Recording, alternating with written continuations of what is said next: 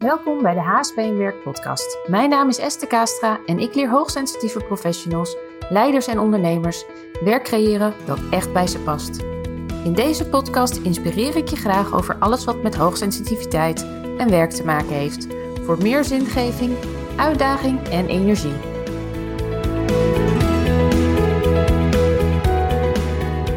Het en werk. En ik ben al voor de tiende keer ongeveer begonnen vandaag om het op te nemen. En elke keer denk ik halverwege of na een minuut, oh jee, klopt niet, overnieuw. Maar nu ga ik gewoon door. Dus bij deze superleuk dat je er weer bent. Ik ben heel benieuwd hoe het met je gaat. Laat het me weten door een bericht te sturen via Instagram of via LinkedIn of via de website of stuur me een mail op contact.hspnwerk.nl. Ik vind het leuk van je te horen als je een vraag hebt over hoogsensitiviteit en werk of als je iets wilt delen. Of als je een idee hebt voor de podcast, stuur me gewoon een berichtje. Vind ik superleuk. Nou, vandaag wil ik het met je hebben over: moet je hoogsensitiviteit meenemen in een burn-out behandeling? Nou, die vraag kreeg ik eigenlijk van iemand van de week die een onderzoek doet over hoogsensitiviteit in relatie tot het werk van een bedrijfsmaatschappelijk werker. En ja, dat onderzoek is net gestart, maar deze vraag kreeg ik. En uh, ik ga er zo meteen uh, verder op in. Ondertussen wil ik nog even delen dat, uh, nou ja, het gaat goed met HSP en werk. Er zijn steeds meer mensen ja, investeren of in zichzelf, of werkgevers investeren in hun mensen. Ook inclusief de hoogsensitiviteit. Dus daar waar heel veel bedrijven werken met een vaste club coaches, uh, gaan werknemers aan de slag om uh, bijvoorbeeld een offerte aan te vragen bij ons. En met die offerte naar, de werk naar hun werk te gaan en te zeggen van, nou, ik wil heel graag begeleid worden. Ik wil heel graag ja, mezelf verbeteren of mezelf ontwikkelen. Maar dan wel wil ik mijn hoogsensitiviteit daarin meenemen. Dus ik vind het super gaaf als zelfs artsen die bij mij komen en uh, binnen een ziekenhuis daar niet, ja, zich niet altijd prettig voelen om dat te bespreken, dat ze het gewoon wel doen en dat ze ervoor uitkomen en dat ze uh, die stap voor zichzelf zetten om het bespreekbaar te maken en daarin de juiste begeleiding zoeken. Dan kan het natuurlijk zijn dat je druk bent met wat iedereen daarvan vindt. Maar dit gaat over jezelf en ze nemen die stap. Dus dat vind ik echt super, super gaaf. Uh, het betekent ook dat, uh, dat ik niet meer alles zelf kan doen. En er zijn onlangs twee coaches gestart voor HSP-werk. Dat is uh, Joelle en Marjolein. En die zullen dus ook trajecten overnemen. De individuele begeleiding in ieder geval. Bij elk traject zit altijd een, een stuk groeps, groepscoaching. Behalve als je alleen een online versie hebt natuurlijk. En de één op één begeleiding kan dus nu ook uitgevoerd worden door hun. En dat zijn allemaal ja, personen die, tenminste Joelle en Marjolein, zijn hoogsensitief. Ze kennen mijn werkwijze. Ze weten alles over hoogsensitiviteit. En ze hebben een eigen achtergrond, wat ze weer meenemen in de juiste begeleiding. Dus daarin vertrouw ik hun super, super alles toe. En uh, ja, gun ik jou ook hun begeleiding. Dus dat wou ik ook nog even delen. Dan ga ik nu graag in op de vraag van moet ik hoogsensitiviteit mee, of moet jij hoogsensitiviteit meenemen in een burn-out begeleiding? Nou, als je weet vanuit onderzoek van Esther Bergsma komt naar voren dat zeker 57% van de mensen die hoogsensitief zijn een burn-out heeft of heeft gehad. Dus dat is natuurlijk een heel hoog percentage. En ik denk wel eens, nou volgens mij zijn de mensen die uh, een burn-out hebben, dat daar wel 80% van hoogsensitief is. Dus dat is natuurlijk een heel groot aantal. En dat, dat zuig ik nu even uit mijn duim, maar dat is wat ik verwacht. Omdat je als hoogsensitief persoon natuurlijk sneller burn-out raakt. Ja, omdat je meer prikkels binnenkrijgt en sneller opraakt. Uh, je lampje gaat eigenlijk sneller uit. Dus moet je dit meenemen in een behandeling? Ja, want als je dat niet doet, dan bouw je dus een huis zonder fundering. En dat zeg ik wel vaker, denk ik, in mijn uh, webinars of in deze podcast. Dat als je hoogsensitief bent en je neemt je temperament, het is een temperament, het is je kern, als je dat niet meeneemt in jouw ontwikkeling, in jouw reïntegratie, in jouw behandeling bij een burn-out of wat er ook aan de hand is, of bij je ontwikkeling, hè, je hoeft niet, het hoeft niet altijd vanuit een crash te komen. Als je het niet meeneemt, dan bouw je een huis zonder fundering of je doet een, ja, je maakt een uitbouw eigenlijk, ook weer zonder fundering. Dus je moet eerst die fundering aanpakken en dan kan je verder bouwen, dan kan je groter bouwen, want anders waai je om. Dus dat vind ik heel belangrijk. En is het dan voldoende om een loopbaancoach te hebben of een coach die alleen hoogsensitief is?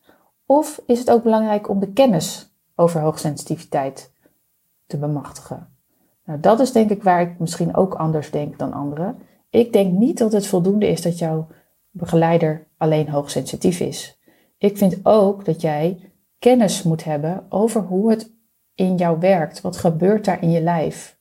Want als je dat niet snapt, dan blijf je zoeken naar wat er in je lichaam gebeurt, omdat je hoofd zo in elkaar zit dat je gaat zoeken, je gaat analyseren en evalueren.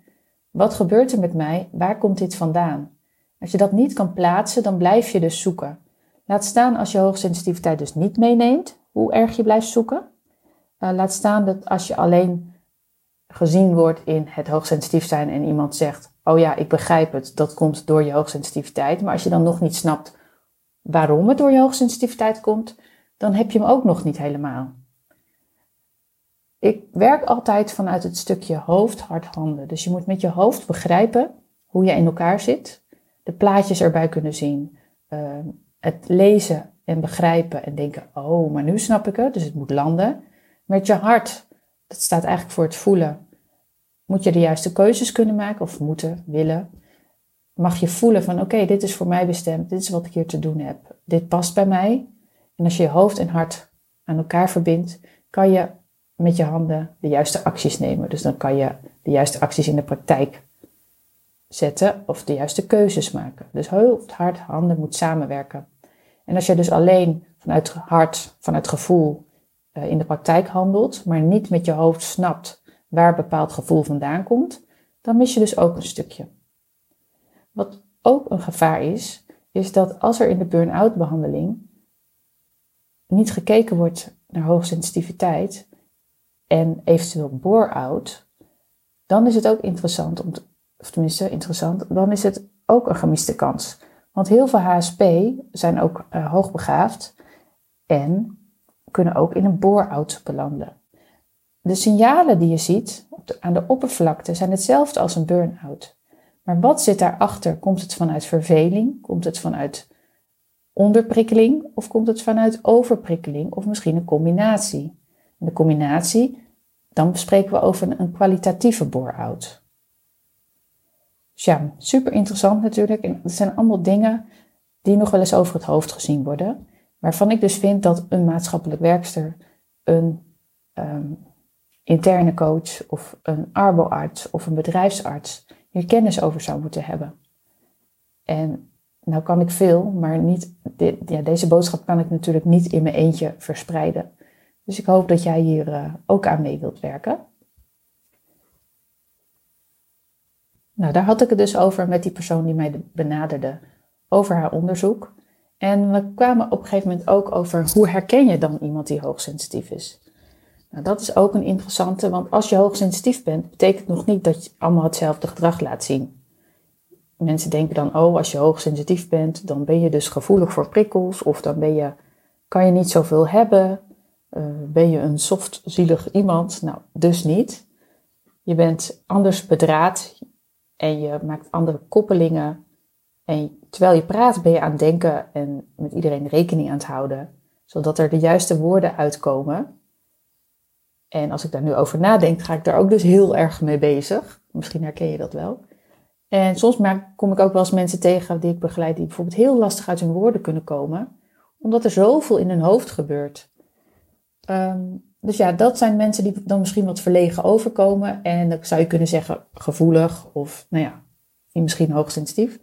Maar je hebt nog veel meer type HSP. Je hebt introvert, extravert, sensatiezoekende HSP. Je hebt de hoogbegaafde HSP. Daar waar de een zich terugtrekt, kan de ander juist overal opduiken. En dan is het beeld van uh, het algemene hoogsensitief zijn of overgevoelig, wat het dus niet is, wordt gevormd. En laatst hoorde ik ook van iemand van mij, ik herken die persoon helemaal niet in hoogsensitief zijn. Nee, omdat mensen kijken naar de oppervlakte, maar daaronder zit nog veel meer. Vanuit de copingmechanismen van iemand wordt er gedrag getoond en dat is wat men interpreteert. Maar dat klopt dus altijd niet, altijd. Dus iemand is, heeft een bepaald type, is een bepaald type HSP. Heeft altijd dat HSP zijn, zit er altijd onder. Maar daarnaast zit iedereen altijd ook in een andere fase in zijn of haar werk. Dus je zit bijvoorbeeld in uh, onderprikkeling, of je zit in overprikkeling, in verveling, in overspanning. Je zit in de flow, of je zit, uh, nou ja, of je hebt een goede dag, of heb je een slechte dag. Het is altijd veranders. En dus je kan nooit zeggen, oké, die is hoogsensitief, want dat zie ik daaraan. Ja, als je zelf hoogsensitief bent en je werkt met veel hoogsensitieve mensen, dan zie je het wel sneller. Maar zoals een bedrijfsmaatschappelijk werker die daar niet altijd mee te maken heeft, of als een bedrijfsarts die daar niet altijd mee te maken heeft, of zelf niet hoogsensitief is, dan kun je dat gewoon niet in één keer zien. Dus daar zou je dan kennis over moeten hebben en de juiste vragen in moeten stellen om dat te signaleren, om verder te gaan dan wat er aan de oppervlakte te zien is. Helaas hoor ik vaak dat als mensen het bespreekbaar maken, dat het wordt afgedaan met ach, dat zal wel niet. Of mensen zeggen er niet eens wat over, maar aan de lichaamstaal is al te zien dat iemand het niet interesseert.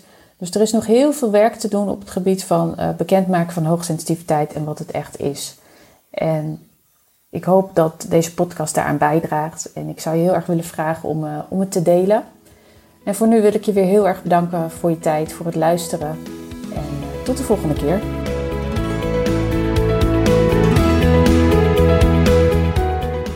Dankjewel voor het luisteren naar de HSP en Werk podcast. Wil je direct praktisch aan de slag met jouw HSP en Werk? Download dan een van de werkboeken op www.hspenwerk.nl/werkboek.